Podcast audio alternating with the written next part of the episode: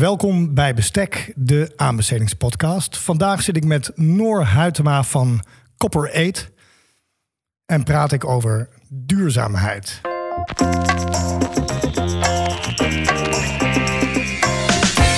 Welkom bij Bestek, de podcast voor de aanbestedingswereld. Deze serie biedt inzicht in onderzoek en praktijk. Meester Dr. Willem Jansen en meester Matanja Pinto bediscussiëren de uitdagingen van het aanbestedingsrecht. Samen met hun gasten gaan zij voor u op zoek naar oplossingen. Dit is Bestek, de aanbestedingspodcast. Dit is Bestek, de aanbestedingspodcast. Vandaag heb ik een gesprek met Noor Huytema. Zij is de co-founder van Copper 8. Uh, ze is nu ook mede-eigenaar uiteraard. Ze heeft civiele techniek gestudeerd in Delft. Is moeder van een jong gezin. Sportfanaat heeft vroeger op vrij hoog niveau gezwommen. Volgens mij wielrennen nog steeds regelmatig. Maar de grootste passie van Noor is toch wel duurzaamheid. Uh, nou, we hebben van tevoren heb ik wat dingetjes voorbereid. Heb ik met jou ook doorgenomen wat we ongeveer willen, willen gaan bespreken. Wat niet staat op dit lijstje is... ik wil het eigenlijk eerst met jou hebben over jouw bureau. Uh, over Copper Aid. Misschien is het leuk als je iets vertelt over Copper Aid... over de ontstaansgeschiedenis daarvan... als je de luisteraar daar eventjes in meeneemt. Ja, zeker. Niets liever vertel ik over een van mijn uh, andere kindjes inderdaad. Uh, een bedrijf wat ik samen met mijn compagnon Cecile van Oppen acht en een half jaar geleden heb opgericht. Um, een adviesbureau dat het voorbeeld wil zijn in practice what you preach uh, op het gebied van de circulaire economie. Eigenlijk een transitie van lineair naar circulair, waarin je niet alleen financiële waarden nastreeft, eigenlijk zo min mogelijk, maar veel bredere waarden. Dus een adviesbureau waarbij we vier dagen per week werken, waarbij alles transparant is, waarbij we de medewerker centraal hebben staan, veel in opleidingen investeren en gewoon nadenken over hoe kunnen we waarde toevoegen en hoe kan uh, financiën eigenlijk daar een gevolg van zijn van impact leveren voor de wereld, voor de aarde waar we op leven en daar de goede dingen voor doen. Um, we zitten nu natuurlijk in de coronapandemie nog steeds. Wat is de grootste beslissing die jullie voor Copper Aid hebben moeten nemen gedurende deze pandemie? Nou, een van de leukste, denk ik, en uh, meest inspirerende vind ik wel dat wij de lunchpauze uh, al vrij snel verlengd hebben naar twee uur. Dus dat we tegen alle collega's hebben gezegd: tussen 12 en 2 worden er geen afspraken gepland. Ben je gewoon vrij, heb je eigen tijd. Uh, omdat we ook merkten in één uurtje, als je al zoveel achter een schermpje zit, dan maak je nog even een mailtje af. Duw je een boterham naar binnen of een lekkere salade, zoals wij vaak ook doen. En dan heb je nog 10 minuutjes. Ja, dan heeft de wandeling eigenlijk geen zin. Uh, juist in de wintertijd, uh, de meeste zon en energie kan je ophalen tijdens de lunch. Uh, dus ga naar buiten. Mensen gingen sporten, hardlopen, vissen. even iets anders doen om daarna weer fris en fruitig achter hun bureau te kruipen en nieuwe dingen te bedenken. Want daar gaat het wel om. Geweldig. En die lunch was nog wel samen dus? Uh, nee, die was allemaal individueel. Iedereen thuis achter zijn eigen, uh, nou ja, zijn eigen eettafel met zijn eigen bureautje. Uh, dus allemaal apart. iedereen, maar daardoor juist wel dat je de afstand kon nemen even van je computerbeeldscherm. Ik wil met jou het eerst hebben over het grotere plaatje. Namelijk, wat is duurzaamheid? je hebt natuurlijk een, een deskundige blik daarop. Wat betekent duurzaamheid voor jou? En dan wil ik het natuurlijk ook hebben over duurzaamheid versus circulariteit. Maar eerst maar eens, wat is duurzaamheid?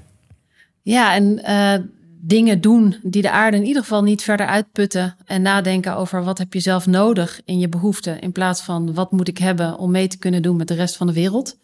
Uh, dus eigenlijk uh, is duurzaamheid vooral eerst bij jezelf heel goed nadenken. En kunnen ervaren, hé, hey, wat is wat ik wil en wat is wat ik nodig heb. In plaats van wat wordt me opgelegd. En wat ik een hele mooie vind, is de relatie tussen duurzaamheid en circulariteit. Uh, Thomas Rauw heeft daar een mooie uitspraak over, uh, die ik vaak wel aanhoud. En dat is een beetje Duits, maar dat gaat over duurzaamheid is het optimeren van een verkeerd systeem. En circulariteit is het radicaliseren naar een nieuw systeem. Nou dat klinkt wat uh, abstract misschien. Maar wat dat voor mij betekent, is duurzaamheid is alles net een beetje slechter doen. sorry, alles net een beetje beter doen. Minder energie verbruiken, minder materiaal verbruiken, minder, minder, minder. Maar uiteindelijk zijn we op een punt beland waar een beetje minder doen ons niet vooruit gaat helpen in het systeem wat we gecreëerd hebben. Dus moeten we naar een nieuw systeem. Dus radicaal anders doen. Andere materialen gebruiken, andere verdienmodellen nastreven, andere processen organiseren. Wat is zo verkeerd aan het huidige systeem? Ehm, het feit dat we ehm, veel dingen die we gebruiken, uh, gebruiken om ze na heel korte tijd weer af te danken en iets nieuws te kopen. Uh, dus het creëren van een enorme berg afval waar een hele grote waarde aan zit. En dus eigenlijk het uitputten van de aarde die we zo hard nodig hebben om ons te voorzien van uh, de juiste levensbehoeften. En, en heel veel daarin is dat, dat is ongetwijfeld een, uh, een cliché, maar is dat niet, strijd je niet ook een beetje tegen de menselijke aard? Dus dat mensen steeds meer willen kijken naar wat de buurman heeft. En ja, dus op die manier in het leven staan. En een beetje de greed is good-achtige filosofieën. Zit dat nou niet, niet nou eenmaal in de mens? En, ben je, en, ja, is dat, zijn we dus niet gedoemd uh, te mislukken in dit project? Um, ik zou zeker zeggen van nee. Anders zou ik denk ik dit werk ook niet meer met zoveel overgave en plezier kunnen doen. Um, ik geloof heel sterk dat het niet per definitie in de mens zit. En als het al wel zo zou zijn, dat we daar met elkaar het gesprek over kunnen voeren en het anders kunnen laten zijn. En als ik merk in de projecten die ik de afgelopen uh, twaalf jaar op het gebied van circulariteit heb mogen doen, dan merk ik juist door zelf het voorbeeld erin te zijn, uh, maar mensen erin mee te nemen, in vragen anders in de markt zetten, uh, andere partners zoeken om projecten mee te realiseren, dat dat zoveel plezier en energie geeft. Um, dat je dat met elkaar heel leuk is om te ervaren. Dus dat het niet per definitie is dat het in je zit, dat meer en groter en beter, dat dat is wat we moeten nastreven. Maar dat meer, groter en beter ook op een duurzame manier ingevuld kan worden. Kun je, kun je een aansprekend voorbeeld geven van zo'n project waarin je zegt: dit was echt een transformatie, dus dit, dit is. Hier had iedereen misschien wel het vertrekpunt. We willen meer, groter, beter, et cetera. En dat je dat. Ik, ik weet niet hoe radicaal dat werkelijk kan hoor. Maar dus dat je de, de schellen van de ogen hebt laten vallen. En dat ze inzagen: ja, dit circulair is leuker, mooier, beter eigenlijk nog dan wat we eerder wilden. Jazeker. Een van de uh, mooiste projecten daarin, uh, die ook alweer echt een aantal jaar geleden gerealiseerd is, is het uh, hoofdkantoor of een van de grote kantoren van Liander in Duiven. Daar lag, daar was een hele grote locatie, een werklocatie, waarvan ze zeiden, joh, dat is eigenlijk allemaal outdated, alles wat er staat moet plat en we gaan iets nieuws bouwen. Daar lag een terrein naast wat ze daarvoor wilden gebruiken. Het ontwerp lag al klaar. En dat wij langs zij kwamen en zeiden, maar wij geloven dat als je de vraag anders in de markt zet, uh, en daarmee uh, eigenlijk de markt gaat uitdagen om met een proces te komen en niet een product aan te leveren, dat je veel meer duurzaamheid krijgt binnen hetzelfde budget als wat je nu gaat uitgeven. En dat is ook echt een voorbeeldproject ge gebleken. Um, wat wij heel abstract zeggen is, wij gaan op zoek in een aanbesteding naar het koppelen van DNA's van een opdrachtgever met opdrachtnemende partijen. En op basis van die DNA's ga je samen de reis maken naar het circulaire product wat je uh, gaat realiseren. Uh, dus niet aanbesteden op een, op een bestek, maar juist aanbesteden op een functionele uitvraag. Heel duidelijk de kaders de, van de randvoorwaarden van oplossingsruimte meegeven. En daarbinnen de innovatie en de samenwerking stimuleren. En dat heeft niet alleen een heel vet gebouw opgeleverd, um, wat alle bestaande panden eigenlijk heeft laten staan en heeft uh, uh, vernieuwbouwd. Maar wat er ook voor gezorgd heeft, is dat Liander in de breedte is gaan nadenken over: hey, dit soort samenwerkingen kunnen we ook op veel meer primaire onderdelen van onze bedrijfsprocessen gaan toepassen. Dus circulaire kabels en leidingen, circulaire kleding. Uh, circulair meubilair zat ook bij uh, de vraag voor duiven erbij. Dus ze zijn vervolgens gaan nadenken in een hele inkoopproces. Hoe kunnen we partnerschappen sluiten in plaats van producten inkopen? Want dat is ook echt de Copper 8 methode eigenlijk dat is het, dat DNA-matchen. Van, van dus de aanbestedende dienst in dit geval met de ondernemers. Ja, dat is wel uh, de basisfilosofie is een betere wereld begint bij het stellen van een betere vraag. Uh, dus opdrachtgever, ga niet op de stoel van de opdrachtnemer zitten om helemaal uit te kouwen en voor te schrijven wat je wil hebben. Uh, want dat komt vaak uit als je zelf niet de innovator bent op wat je al kende. Dus als je, als je doet wat je deed, krijg je ook wat je kreeg. En we hebben juist andere dingen nodig. Dus zorg dat je heel goed nadenkt over wat is mijn behoefte. Wat zijn de randvoorwaarden van de oplossingsruimte? Welk budget heb ik? Welke planning heb ik? Welke andere randvoorwaarden heb ik? En hoe kan ik dan een partner selecteren die binnen de randvoorwaarden met innovatieve oplossingen komt die ons vooruit helpen. Ik ben blij dat jij zelf ook het bruggetje al slaat naar aanbestedingen en selecteren. Daar, daar willen we het natuurlijk vooral over hebben in deze podcast. Want Copper 8 is ook denk ik gericht op die voorkant. Klopt dat? Dus dat jullie ook echt gericht zijn op inkopen en aanbestedingen. En dat dat het belangrijkste deel is waar jullie je onderscheidende vermogen leveren, zeg maar. En uh, correct me if I'm wrong. Dus dat het minder gaat om contractmanagement, maar vooral om het selecteren van de juiste partner. Of is dat niet waar? Uh, het heeft absoluut met elkaar een relatie. Dus ja, we begeleiden veel aanbestedingen en inkoopprocessen. Juist omdat we zien dat je daarmee eh, de marktpartijen kan aanjagen om echt veranderingen in hun processen toe te passen. Um, we zien ook in dat het borgen van die samenwerking, zeker als je functioneel hebt aanbesteed, niet keihard technisch, dat je die prestaties en die wijze van samenwerken ook in het contract moet borgen. Dus er zit absoluut een koppeling, maar wij kunnen contractmanagement pas goed inregelen als wij aan de voorkant bij de uh, inkoop en aanbesteding betrokken zijn. Blijven jullie dan ook aan boord? Dus leveren jullie ook contractmanagers of, of adviseren jullie bij contractmanagement of, of zijn jullie dan doorgaans uit beeld verdwenen? Nee, en het, uh, wij adviseren daar in, het, uh, in relatie tot het inkoopproces over. Uh, van hoe borg je nu dat die DNA-match ook tot uiting gaat komen? Want het klinkt allemaal zo mooi en wellicht ook wat zacht. Hoe kan je dat hard maken? Dus wij leggen de basisregels vast. we komen soms in processen ook nog terug om die samenwerking te evalueren met elkaar. En eigenlijk voor de common good of the world te zeggen van hey, worden hier wel de juiste dingen gedaan? Uh, dus in het projectbelang en niet in het eigen belang van een van de partijen. Uh, om terug te komen en te kijken, hey, wordt er nog via de juiste basisregels gewerkt met elkaar? Uh, en hoe kijk jij in algemene zin aan tegen Europese aanbestedingen? Wat, als je dat vergelijkt met, of ik weet niet of jullie ooit betrokken zijn bij onderhandse aanbestedingen. Doen jullie alleen maar Europese aanbestedingen of ook onderhands? Ja, beide. Hoe kijk jij aan tegen Europese aanbestedingen als je dat vergelijkt met onderhandse aanbestedingen? Of misschien heb je daar geen uitgesproken mening over, dat weet ik, maar dat kan ik me bijna niet voorstellen. Maar wie, wie weet. Maar ik ben heel benieuwd naar dan de minder uitgesproken mening. Hoe kijk je aan tegen Europese aanbestedingen? Uh, net zo goed als naar onderhandse aanbestedingen. Uh, het hangt bij ons heel erg af uh, bij de mensen die erbij betrokken zijn.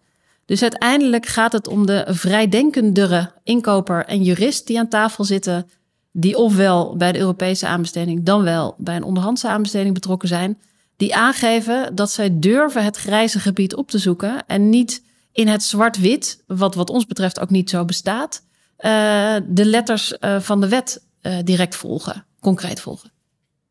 Ja, want dat, jij zegt voor duurzaamheid heb je nodig dat je het grijze gebied opzoekt. Dus dat, daar, daar ligt, de, oh, tenminste die indruk heb ik, dat je dat zegt. Van dat als je je houdt aan, dus heel streng aan de letter van de wet houdt, dan kun je eigenlijk niet, dan, dan kom je nooit tot een, tot een duurzamere wereld. Laat staan tot een circulaire inkoop. Of, is, of chargeer ik nu te veel wat jij ja, zegt? Ik denk dat je hem nu te zwart-wit stelt. Um, wat ik geloof, uh, is dat we niet snel genoeg die transitie inzetten als we het bij de letters van de wet houden. Want wat we dan doen, is eigenlijk uitvragen op basis van de eisen die we al jarenlang met elkaar vastgesteld hebben die mogelijk zijn. En we willen juist versnelling brengen. Dus we willen de eisen verplaatsen naar ambities en hogere doelen nastreven om die versnelling te brengen. Ja, ik denk dat ik begrijp wat je bedoelt. Ik, zit even hard op na te denken, want uh, jij zegt eigenlijk als we gewoon het bestek kopiëren van de vorige aanbesteding, dan komen we niet verder. Dat, dat, dat, dat begrijp ik, dat begrijp ik. Uh, en, en je zegt binnen het uh, Europese aanbestedingsrecht is voldoende manoeuvreerruimte om het circulairder te maken en om het duurzamer te maken. Maar dan moeten we wel een beetje rechtelijk gaan nadenken over wat voor eisen kunnen we stellen, wat voor eh, criteria stellen wij.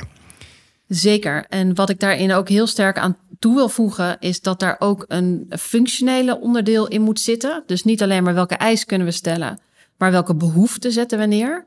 En daarnaast ook wat wij heel vaak in processen doen en eigenlijk cruciaal vinden op het moment dat we dat lat hoger willen leggen met elkaar, is een dialoogfase erin zetten. Dus juist ook partijen met elkaar in verbinding brengen begrijpen wij nu precies wat jullie vraag is? En begrijp je zelf eigenlijk wel wat je vraag is? Om vanuit daar die versnelling te brengen. Ja, want dat is, dat is volgens mij waar jullie steeds naartoe teruggaan. Dat is de vraag helder krijgen van de aanbestedende dienst. En dan kan het heel goed blijken dat gedurende het proces je als aanbestedende dienst erachter komt. hey, ik heb eigenlijk een heel andere vraag dan ik dacht waarmee ik begon aan dit traject? Als je in de aanbesteding zit, zouden we hem niet zo radicaal anders neer willen zetten. Uh, het gaat om een nuanceverschil. Dus de opdrachtgever hebben wij vaak genoeg al lang genoeg gemasseerd om te weten dat de vraag valide is die gesteld wordt. Het gaat om de nuance die aangebracht wordt in de dialoogfase.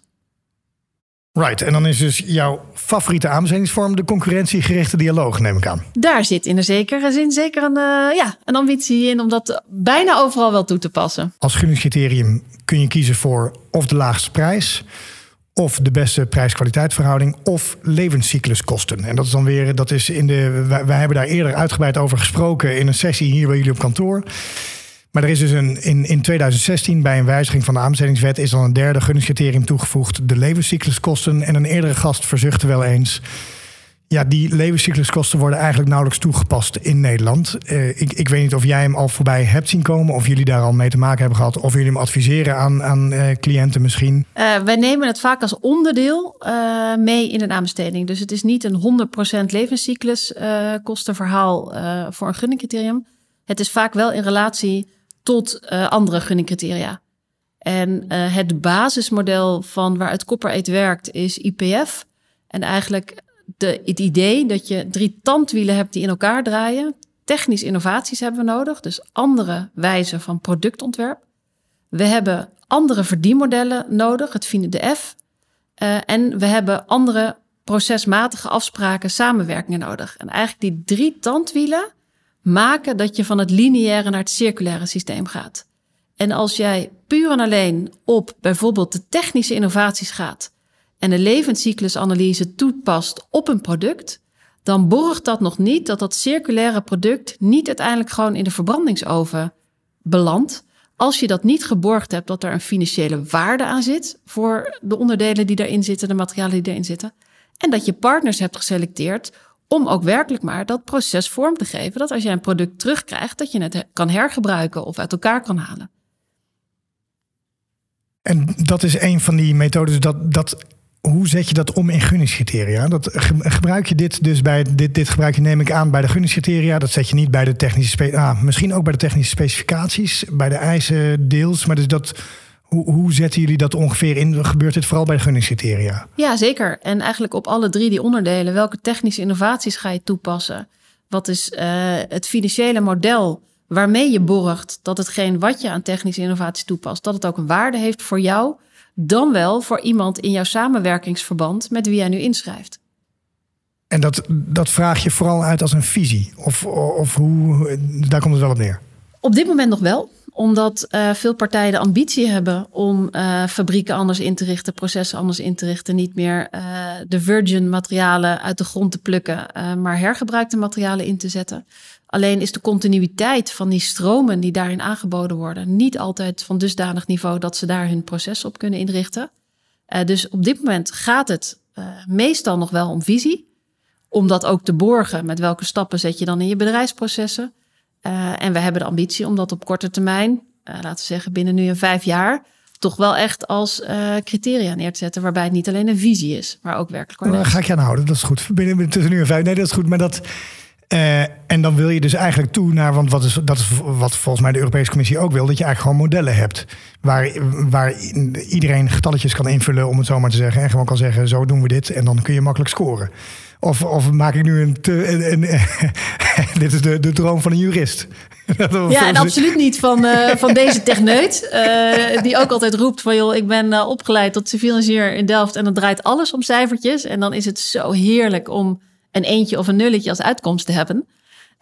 maar dat is juist niet waar ik zie dat we naartoe moeten. Ook omdat de hele complexiteit die achter circulair zit, en zeker achter het begrip circulaire economie, is niet te vatten in één cijfer. Um, en om dat concreet te maken, als je kijkt naar het stadskantoor in Venlo, dan is dat uh, heel circulair. In zoverre dat er allemaal cradle-to-cradle materialen zijn toegepast. Het is heel gezond. Um, er is met heel veel goede technieken gewerkt. Uh, Alianne Duiven is gebruik gemaakt van heel veel hergebruikte materialen. Ja, kan je dan bij de ene zeggen, jij scoort een 8 op circulariteit en jij scoort een 8,5 op circulariteit? Uh, in die grote diversiteit van toepassingen. En daarvan zeggen wij, er zitten veel meer onderdelen dan puur en alleen een LCA-uitkomst. Uh, dan wel wat je in de gebouwde omgeving, de MPG op dit moment uh, als handreiking zou willen bereiken. Maar, en dat, dat is natuurlijk eigenlijk een vraag aan jezelf. Want hoe wil je. Want uiteindelijk komen daar wel twee ondernemers naar je toe. En de een zegt: Ja, ik ga het op deze manier aanpakken. En de andere zegt: Ik ga het op de andere manier aanpakken. Dat zijn twee totaal niet met elkaar vergelijkbare grootheden. Dus, kan, hè? En, dan, en toch wil je dan op de een of andere manier ze langs dezelfde meetlat leggen en zeggen: Ik wil liever met jou in zee dan met jou in zee, want dit maakt de wereld een mooiere plek. Uh, dat, en daar zit ook een, een gedeelte filosofie van de aanbestedende dienst en de omringende adviseurs in. Ik, hoe ga je dat, uh, dat, dat? Daarom is het dus mijn droom dat ik denk: Nou ja, vul maar gewoon in in dat lijstje. Hoe, blijft het dan bij visies? Toch? Nee. Ja. Um, wat ik zie is precies wat jij net zegt. Daar zit een deel visie van de opdrachtgever in. En dat is wat er moet lukken. Dat je uh, genoeg tijd neemt aan de voorkant van zo'n aanbesteding om te doorgronden waar gaan wij als bedrijf naartoe? Wat is onze visie? Willen wij putten uit hetgeen wat er nu al is? Uh, en scoren wij dus hoog op hergebruik? Dan wel willen wij ons volledig inzetten op uh, een toekomstige losmaakbare wereld. En daarop focussen we ons dus op die, dat onderwerp van circulariteit. Dus een de vraag van de opdrachtgever en het kennen van het eigen DNA is hierin cruciaal. En Corporate bestaat nu, geloof ik, acht jaar, klopt dat? Iets meer, ja. Nou, iets meer dan acht jaar. Uh, de vraag is natuurlijk, allereerst heb je de wereld zien veranderen in deze afgelopen acht jaar. Is er al in, is er veel gebeurd? En natuurlijk dan vooral, wat, wat was de rol van Corporate uh, daarin? Maar daar komen we straks op. Maar dus eerst maar eventjes, heb je het gevoel dat het, dat het de goede kant uitgaat nu dat mensen, dat iedereen wakkerder wordt, alerter wordt op jongens, het moet toch wel echt nu duurzamer? Of denk je nee, dit is nog. Het zijn allemaal, het is een druppel op de gloeiende plaat. En er gebeurt de afgelopen acht jaar is er eigenlijk niks veranderd. Nee, ik denk als ik zou zeggen er is niks veranderd, dat ik hier ook niet meer zou zitten. Um, in zoverre dat wij met Copper Eat uh, tegen de filosofie van heel veel andere adviesbureaus in hadden gezegd: joh, we hebben een beperkte levensduur, namelijk zeven jaar. En dan is de wereld aangejaagd naar circulair en dan zijn we overbodig. Nou, dat was vorig jaar. Um, we zien nog niet dat de wereld helemaal circulair is. Dan wel vinden het eigenlijk ook gewoon te leuk en te mooi om te doen. Dat we hebben gezegd, we gaan nog even door. Maar de ambitie is zeker om onszelf op te kunnen heffen. Dan wel om te zeggen, jongens, het is aangejaagd. En er zijn andere thema's waar we ons op moeten gaan focussen. Um, en ja, ik zie dat er heel veel veranderd is. Uh, als ik kijk naar ons eigen advieswerk, zaten wij een aantal jaar geleden heel veel in ambitiesessies. En uh, in informatiesessies kan je ons vertellen wat circulaire economie is kan je ons meenemen in wat het voor ons bedrijf zou betekenen. En uh, veel marktpartijen die nog dachten, oh, dit is zo'n hype, dat waait wel over. En het is geborgd in uh, de politiek. Het zit echt wel op hoger niveau, uh, staat het op de agenda. Wat maakt dat marktpartijen ook echt daarop aan het investeren zijn. En dat wij ook gevraagd worden door marktpartijen van jongens, het is geen hype. Wij moeten onze hele bedrijfsstrategie hierop gaan aanpassen. Kunnen jullie ons daarbij helpen? Dus het is van uh, wat wij zien, uh, van de uitvragende kant, opdrachtgevende kant, aangejaagd, doorgeslagen naar marktpartijen die zeggen: hey, dit is wellicht ook voor ons een verdienmodel. En daarmee dus ook een transitie die wij willen omarmen. En wanneer kun je corporate opheffen? Wanneer, wat, wat hebben jullie voor jezelf daar een criterium voor en gezegd: als we dit en dat toch kunnen hebben bereikt, dan, uh, dan is onze droom verwezenlijkt? Of is dat pas als de hele aarde circulair Nee, het zal zeker niet zijn als het helemaal circulair. We houden echt uh, van het begeleiden van koploperprojecten. Dus uh, onder andere de meubelbranche. Circulair meubilair is een aanbesteding die onder andere bij Duiven in de markt is gezet. Die, die branche die is hard in uh, ontwikkeling. Die is goed aangejaagd. en dat zouden we in veel meer sectoren op die manier willen zien. Om te zeggen, we zijn overbodig. Wat we zien is dat er op dit moment bijvoorbeeld in de elektronica uh, en de ICT nog hardware echt heel veel te winnen is. Dus dat er echt nog wel uh, mooie transities aan te jagen zijn. Um, dus dat is vooral wat wij doen. Het aanjagen ervan. En dat is inderdaad een interessant punt dat je naar voren brengt. Dat, dat dus in de meubelwereld kennelijk is het al best circulair. Uh, en zijn er meer voorbeelden van branches, misschien wel landen zelfs, die het heel goed doen? En kun je verklaren waarom het daar dan goed gaat en in andere sectoren, landen, uh, branches juist weer niet? Um, qua sectoren zie je inderdaad de meubelbranche die echt goede stappen maakt. De kledingindustrie is natuurlijk ook wel hard bezig. Um, in de gebouwde omgeving, uh, zeker ook omdat ik daar met mijn neus bovenop zit, zie ik ook wel dat er echt mooie innovaties en toepassingen aan het ontwikkelen zijn. Ehm, in wat ik zie is dat vooral ook ehm, partijen en omgevingen die zien dat, hun, dat ze afhankelijk zijn. En kijk ook naar de coronapandemie en de eerste lockdown. Dat een aantal partijen in Nederland geen productie kon draaien omdat ze geen toevoer hadden van uh, hele belangrijke onderdelen uit uh, Azië eh, of uit andere delen van de wereld. En dat zij inzien van hey, kunnen wij niet veel meer ook lokaal gaan minen eigenlijk van de producten die wij nodig hebben om te zorgen dat wij minder afhankelijk worden van die wereldhandel. Uh, en die is een, die, die, dat enorme inzicht uh, is misschien minder heftig dan dat ik zou willen. Uh, maar toch zie je daar wel partijen in schakelen van hey, wat gaat er gebeuren als mijnen worden dichtgegooid, als landen hun eigen productie daarvoor toe-eigenen. Ja, dan word je toch wel als Nederland en landen waar je geen eigen delving hebt, heel erg afhankelijk van de wereldhandel. En wat, wat vind jij lichtende voorbeelden dus van landen of bedrijven waarvan je zegt, die, die pakken het eigenlijk al bijna helemaal goed aan? Nou, ik vind het heel lastig om daar één partij in naar voren te brengen, omdat ik zie ook dat het zo complex is en dat je dat ook niet uh, met elkaar kan vergelijken. Wat ik een heel mooi voorbeeld vind wel is uh, Fairphone. Uh, dus een, een klein iemand die zegt we gaan de grote boze wereld met een product wat iedereen elke dag in zijn hand heeft, proberen bewust te maken dat het ook anders kan. Dat je eerlijke materialen gebruikt en dat je vervolgens erachter komt dat dat zo makkelijk nog niet is en dat je maar een heel klein percentage uh, werkelijk waar als eerlijke en circulaire materialen kan toepassen. Maar daarmee wel het gedachtegoed van zo'n gangbaar product. Uh, dat je daarmee in ieder geval de dialoog opent en ogen opent voor mensen. En nu schiet me opeens binnen. En denk je, omdat je zegt eerlijk. Um, denk je ook dat we allemaal moeten inleveren eigenlijk voor circulariteit? Dat we, omdat het dus ook een beetje verknoopt zit met we, we moeten niet steeds meer, groter, beter willen. En dan uh, gevoelsmatig. En misschien is het ook wel heel gezond hoor, om, dat, om daar een rem op te zetten. Uh, maar dat betekent dus dat we allemaal moeten gaan, uh, gaan inleveren. Is dat, klopt die connectie of, is dat, of zie ik het helemaal verkeerd?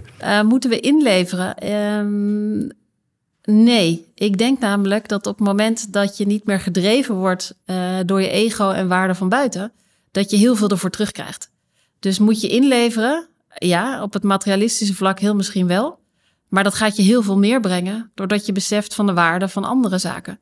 En dat klinkt heel zweverig en toch geloof ik dat op het moment dat we die transitie met elkaar kunnen maken. Um, en dat je niet zodra uh, de vakanties weer open worden gegooid, dat we met z'n allen linearecht het vliegtuig instappen. Maar dat we ook beseffen van hoe mooi kan je het hebben als je niet alles verder opzoekt en altijd maar weer groter, verder uh, en dat soort zaken. En in die zin is dus de pandemie, vond je misschien ook eigenlijk een, een les aan ons allen. Dat was een goede tijd waarin we, waarin we hebben kunnen zien. In ieder geval, ja, als ik voor mezelf mag spreken, ik heb wel gezien. Oh ja, nou, eigenlijk kan ik best wel waarderen hoe dat is. En dat er.